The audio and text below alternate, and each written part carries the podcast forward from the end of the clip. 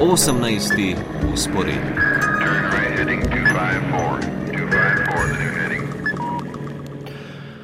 Se podaja na Balkan, kjer sta v zadnjih tednih viharna tako vreme kot politika. Z našim dopisnikom Boštjanom Anžinom razmišljamo, kakšne so možnosti za uresničitev evropskega predloga za normalizacijo odnosov med Srbijo in Kosovom in ali bi lahko tudi Srbija uvedla sankcije proti Rusiji. Pokomentiramo tudi nedavne zaostritve odnosov Severne Makedonije, sosednjo Bolgarijo in politično krizo, ki v Črni gori hromi normalno delovanje države. Boštjan, zdravo! Lepo zdrav. Poleg neuri z vetrom eh, smo torej lahko v zadnjem tednu spremljali tudi grmenje s pretepom eh, v srpskem parlamentu, ampak ja, strele švigajo vse vprek po političnem prizorišču. Kako je bil ta teden videti z tvojega gledišča, torej eh, iz Beograda? Ja, kar buren teden, ja, ko omenjaš vreme, ne, ja, dele Srbije potem presenetil sneg ne, sredi februarja oziroma začetku februarja, um, kar sicer v bistvu ne bi bilo nič čudnega, če se ga ne bi tukaj res kar precej odvadili, ne, ponekod v višjih legah uh, ga je bilo zdaj precej, torej so bili kar pravi zameti, recimo tukaj v Beogradu pa nič, ne, letos smo ga imeli en centimeter, morda dva dni, um, se pravim, komarje imamo, uh, oziroma zdaj trenutno komarje imamo, ampak januarja in, decembra, ja, ja, ja, januarja in decembra smo preganjali komarje, ker je bilo nenormalno toplo, tako da zdaj v bistvu se tukaj mi vsi strinjamo, ne, tudi tisti, ki niso ljubitelji snega in zime, da je skrajni čas, da res zamrzne za, vem, 14 dni, ne, ker sicer se bojimo, kaj bo sledilo. Augusta. Uh, ja, drugač pa, um, kar se pa tiče političnega prizorišča, pa ja, seveda zelo vroče, uh, še bolj intenzivno kot sicer, razlog seveda to Kosovo, o katerem so razpravljali v srpskem parlamentu. Uh, konkretno so govorili o tem novem evropskem predlogu, ki ga pač tukaj vidijo na zelo različne načine, ne, od izdaje pa do edinega smiselnega koraka, če pač želi Srbija nadaljevati to pot proti Evropski uniji. Uh, predsedniku Vučiću seveda ni najlažje zdaj prodajati na nek način ta sporazum kot uspeh um, in nek, na nek način žanje to, kar je um, sejal oziroma kar so sejali v vladajoči stranki zadnja leta, ko smo vse čas poslušali, da je Kosovo srce Srbije, da ni predaje. Um, skratka, zdaj govori o tem, da na državo pritiskajo, da ji um, grozijo in tukaj v parlamentu je bilo občasno res kot kak reality show, ne, um, omenjal si skoraj prišlo do pretepa, Vučić pravi, da je bilo to vse naprej organizirano in da je opozicija v bistvu ga želela prisiliti, da bi izgubil živce nehal odgovarjati in da bi potem prišlo do vdora v parlament. Zdaj to so samo njegove špekulacije. Um, bilo je torej eno samo obračunavanje, kdo je kriv za to, da so zdaj, kjer so, kdo je podpisal kak sporazum. No in v tem um, delu se je v bistvu zaiskrilo tudi v vladni koaliciji um, med naprednjaki Aleksandra Vučiča pa socialisti Ivice Dačiča. E, tako da smo celo imeli dan, dva razprave medijske o tem, da bi lahko prišlo do predčasnih volitev in da bi Vučić zapustil predsedniški stol in se spet podal uh, v boj za premijeja, kar sta sicer potem uh, oba udeležena no, um, zavrnila. Tako da Vučić se zadnje čase zelo veliko oglaša na Instagramu. Um, Potem so ga obsodili, da je v enem od teh video posnetkov zelo nenavaden, no in tako da je mogel odgovarjati tudi na to, da še nikoli v življenju ni imel drog, um, da ne pije, da ni še nikoli pokadil cigarete, skratka v alkoholu ni nič rekel, samo za takrat, da ga pač ni pil. Um, Je pa seveda treba pri vsej tej zgodbi omeniti potem še en škandal. Kamere so namreč med to razpravo o Kosovu ujele poslanca socialistov Zvonka Steviča, ki je med drugim tudi član parlamentarnega odbora za Kosovo, kako v bistvu med sejo gleda pornografski film. No, ta zgodba se je potem um, zelo razplamtela, ampak tudi za poslanca zelo hitro končala, ker je pač naslednji dan potem odstopil. Ja, brščas ni za ston, da tudi pri nas za opise to vrstnih situacij včasih uporabimo, eh, če lahko tako rečem, vašo besedo svašta. E, poglejmo e, malo pobliže, no, e, vendarle še vzroke, ki so pripeljali do pretepa v parlamentu. Vemo, odnosi s Kosovom so v Srbiji vedno hitro unetljiva tema. Ne? Tokrat je iskrico sprožil predlog Evropske unije o normalizaciji odnosov med Beogradom in Prištino. Tega naj bi po načrtu EU sprejeli do pomladi, ampak je v njem kar nekaj kritičnih točk eh, za obe strani. Eh, Boštjan, kje se torej najbolj zatika in ja, ali sporazum predvideva dejansko priznanje Kosova strani Srbije? Ja, takole, no, naj najprej povem, da je srpski parlament uradno v bistvu razpravljal o poročilu um, urada za Kosovo za preteklo leto, tako da ni bilo kakšnega glasovanja o tem novem evropskem predlogu, ki smo ga sicer prej poznali kot francosko-nemški predlog in ta sporazum uradno tudi še vedno ni na mizi za javnost. Um, zdaj, vemo pa, da neposrednega priznanja ne predvideva, ampak nasprotniki, tukaj so to predvsem srpske desničarske stranke, uh, ki se med drugim tudi pripravljajo na večje proteste, govorijo o tem, da v bistvu gre za posrednje posredno priznanje, ker sporazum govori o nedotakljivosti mej, o celo, spoštovanju ozemeljske celovitosti, medsebojnem priznavanju dokumentov, listin. Najbolj sporna točka za Vučiča pa je, da naj Srbija ne bi uvirala učlanjevanja Kosova v mednarodne organizacije, torej tudi v Združene narode. To članstvo je pa pač v Združenih narodih ob priznanju Kosova rdeča linija za Beograd in Vučiča. Um, ta, kot sem že prej rekel, um, zdaj veliko govori o hudih pritiskih, da v resnici nimajo izbire, da bi v primeru zavrnitve sledile hude gospodarske in politične posledice, um, nekakšna usamitev Nova Srbije. Uh, zdaj glavna zahteva Beograda pa je, da Priština uresniči najprej pred kakršnimi koli drugimi pogovori 11 let staro obljubo o ustanovitvi Zveze srpskih občin.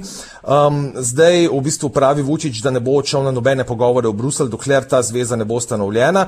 In tako smo pač potem pri problemu, ki ga ima Albin Kurti, ne, ta to zvezo vse čas zavrača, ker um, da noče, da bi na ozemlju Kosova dobili nekaj podobnega bosansko-hercegovski entiteti Republiki Srpski, ampak eh, tudi pritisk na nje precejšen, tako da je zdaj na zadnje postavil pogoje, pod katerimi je pripravljen na kaj takega, med drugim, da mora imeti zveza drugačno ime, ker da združevanje na etnični osnovi na multietničnem Kosovu ni mogoče. Oni recimo govorijo o zvezi kosovskih občin, srbsko večino, um, potem mora biti zveza v skladu z ustavo, do zdaj je imelo ustavno sodišče pomisleke, ne sme imeti izvršilnih oblasti vzpostavil, pa bi jo on šele po medsebojnem priznanju Kosova in Srbije, kar je pa spet seveda za Beograd nespremljivo.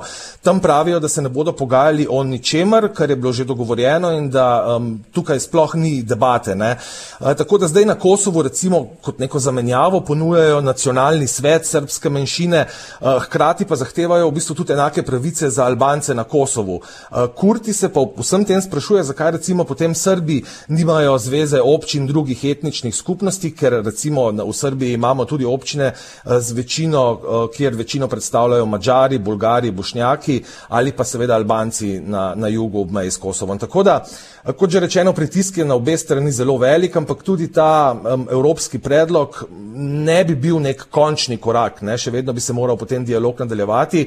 Um, to bi bil pa, kot je dejal tudi Vučić, zdaj nek novi okvir teh pogovorov um, in če bo mednarodni skupnosti uspelo, da, da zdaj si omenil do pomladi, no, um, zdaj govorijo, da bi bil uspeh že do konca recimo um, leta, ne, um, podpisati torej obe strani ta sporazum in vzpostaviti neko vrsto Zveze srpskih občin, potem um, bi bili pa že bližje temu, da se začnejo pa um, o teh finalnih stvarih pogovarjati, ampak tega, o čemer se morajo pogovarjati, je še tako zelo veliko, da v bistvu tistih, ki verjamejo, da je nek hiter dogovor možen, je zelo, zelo malo.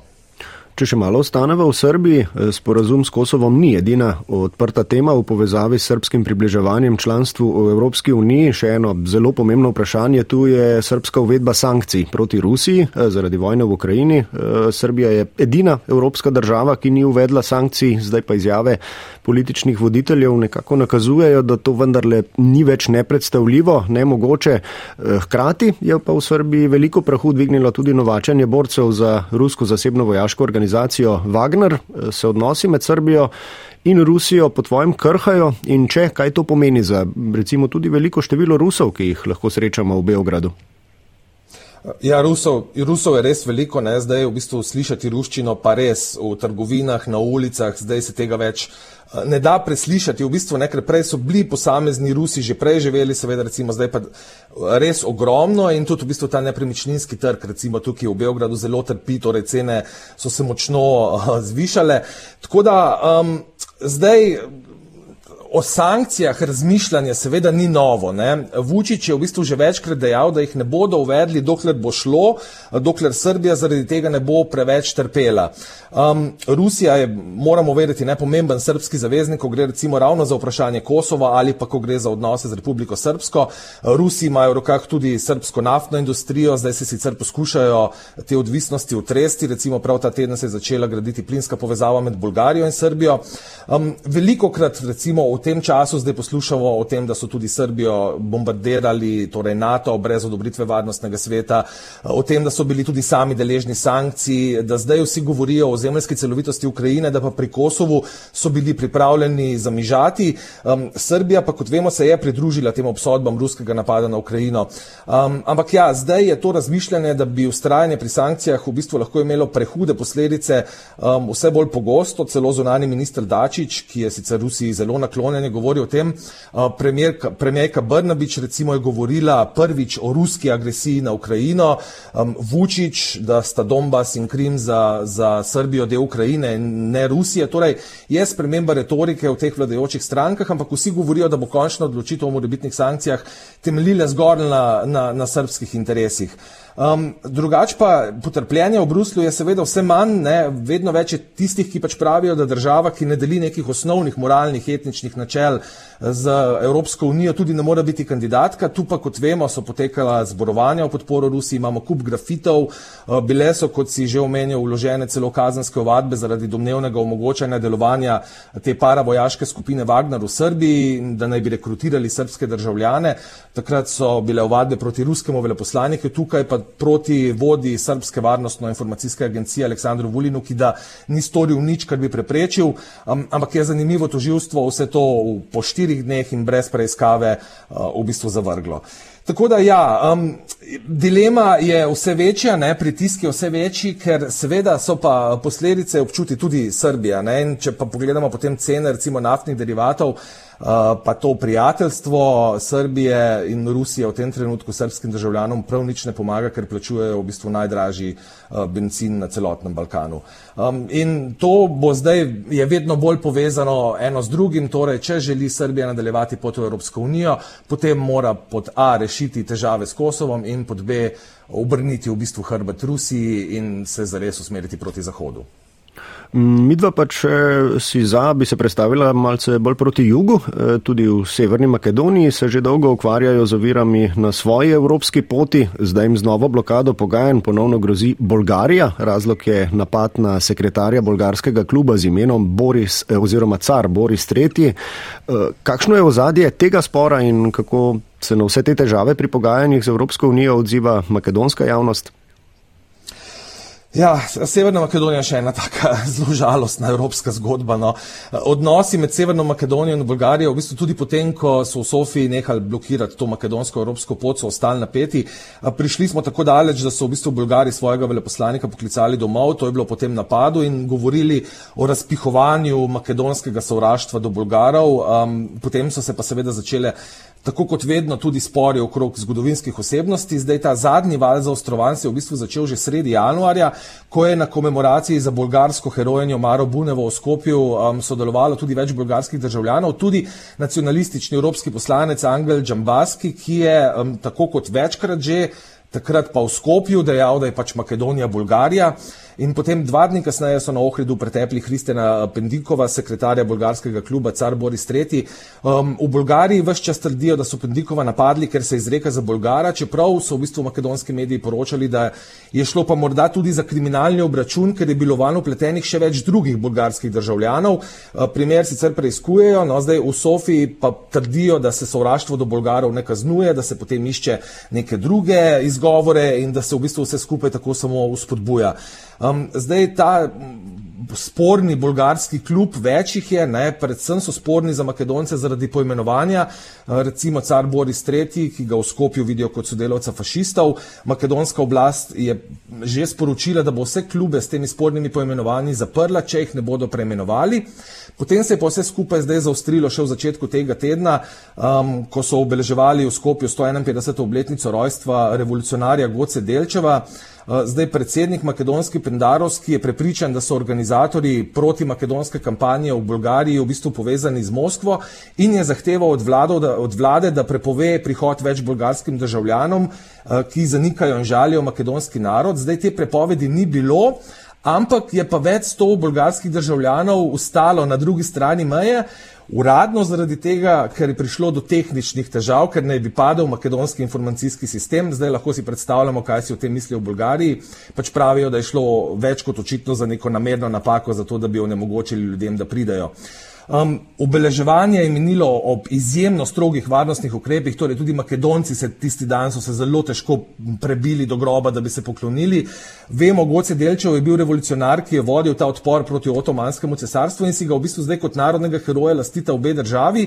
Makedonci ga vidijo kot borca za makedonsko osvoboditev, Bolgari pa kot borca za osvoboditev makedonskih Bulgarov. Ne? Tako da to so te, te retorične tudi. Um, stvari, ki se dogajajo na tej relaciji vsak dan in v bistvu se z, tudi za zgodovinskimi vprašanji ukvarja mešana zgodovinska komisija, za zdaj neuspešno. Um, vemo, da v Bolgariji ustrajajo, da so v bistvu makedonski jezik, kultura, identiteta, da so vse to samo različice bolgarskih in zdaj po teh zadnjih incidentih spet uh, grozijo z blokadami, v Skopju pa pač govorijo o pretiranih reakcijah in opozarjajo tudi na to, da se v bistvu odnosi vedno zaostrijo pred volitvami. Um, Bolgarija je pa trenutno politično izjemno razkladena Klana in tam bodo šli ljudje 2. aprila na predčasne volitve in bodo že eh, petič v dveh letih volili, tako da so v bistvu vse čas v neki predvoljivni kampanji in to makedonsko vprašanje je zelo hvaležna tema za voljivce. Potem pa na drugi strani, če še to omenim, imamo pa zaradi teh zahtev Bolgarije zelo napeto tudi v Severni Makedoniji, ne, ker se vladajoča koalicija pač muči zbiranjem dvotretinske večine za spremembo ustave. Bolgarija namreč zahteva, da pred začetkom pogajanj uh, v njo Makedonci upišajo bolgarsko manjšino, ampak v opozicijski VMRO, DPMNE, um, njihovi glasovi so pa nujni, vse to zavračajo, ker pravijo, da v bistvu gre samo za nadaljevanje izsiljevanja in da se v bistvu ta zgodba ne konča in ne konča. Ne? Makedonija, Severna Makedonija je status kandidatke že od leta 2005, vmes je potem morala na zahtevo Grče spremeniti ime in v bistvu tudi ni čudno, da ta podpora Evropske unije, ne, ki je bila nekoč tako velika želja Makedoncev, upada, zdaj recimo stop podpira trenutno 49 odstotkov ljudi, 34 jih je pa proti. Če pa vprašate ljudi, kakšen je odnos Unije do Makedoncev, pa jih je dve tretjini prepričanih, da gre za nepravičen odnos in v bistvu izsiljevanje. Hm. Ob koncu še pogled eh, na še eno krizo, ki se vleče že dolgo v Črni Gori. Že mesece ne uspejo sestaviti vlade, ki bi imela večinsko podporo v parlamentu, eh, potem v sestavi ustavnega sodišča manjka večina članov in v parlamentu se ne morejo uskladiti glede novih kandidatov. No, čez mesec dni jih pa čakajo še predsedniške volitve. Eh, kako vse te politične in institucionalne krize vplivajo na delovanje države in spet življenje ljudi? Ja, ljud, ljudje so pač vse bolj ogorčeni, bi jaz rekel, ne, ker so prepričani, da se politiki preprosto ne, upravljajo, uh, preprosto ne upravljajo svojega dela, da ne počnejo tisto, za kar so bili izvoljeni. To je med drugim tudi recimo pot proti Evropski uniji.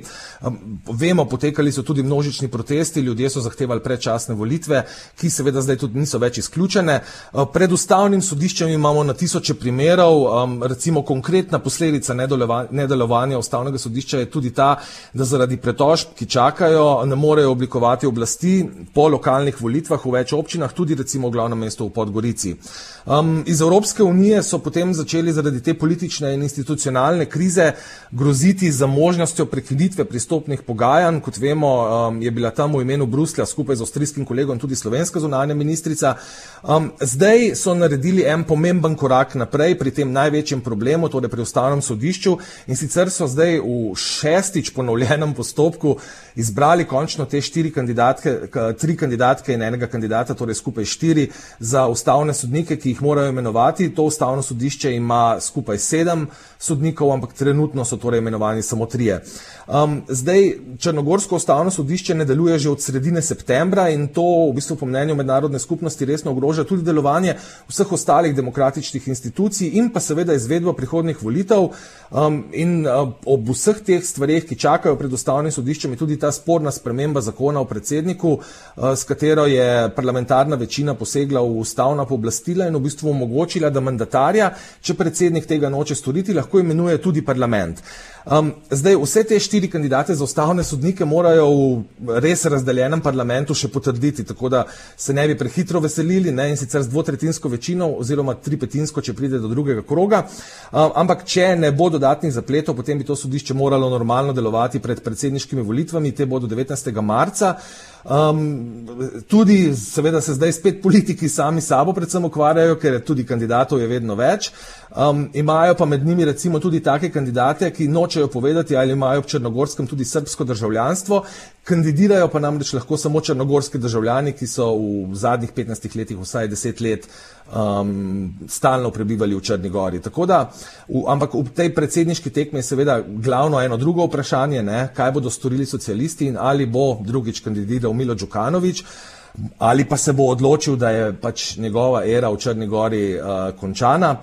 Um, je pa, kot sem že rekel, zelo možno, da bodo Črnogorci ušli tudi na predčasne parlamentarne volitve. Ja, trenutno tehnično um, vlado že od avgusta vodi Dritana Bazovič, te prosrbske in proruske stranke v parlamentu, ki imajo en glas večine, pa ne uspejo um, z novim mandatarjem, ne, z zadnjim mandatarjem, to je bil Miodrak Lekič, in najprej ni uspelo, ker je predsednik Đukanovič um, zavrnil njegovo imenovanje, potem so spremenili zakon um, in sicer tudi o ogorčenju mednarodne skupnosti, ki je pač uh, rek, imela težave s tem, da bi se pogovarjala z premijem, ki bi bil izvoljen po tem zakonu, no ampak tudi to jim ni pomagalo, ker je tudi ta poskus sestavljanja vlade propadel narodov. Tako da ustavno sodišče je samo začetek, ne, um, družba v Črni Gori je vse bolj razklana in zdaj končala sva v bistvu pri najbolj napredni kandidatki za članstvo Evropske unije v tem trenutku.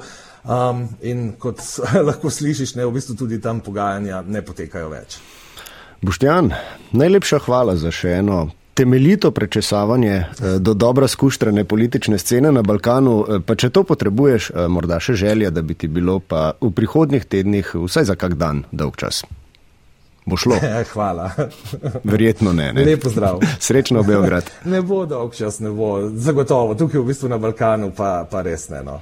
se pravi, se slišimo k malu. Boštjan Anžin je bil z nami. Zmenjeno.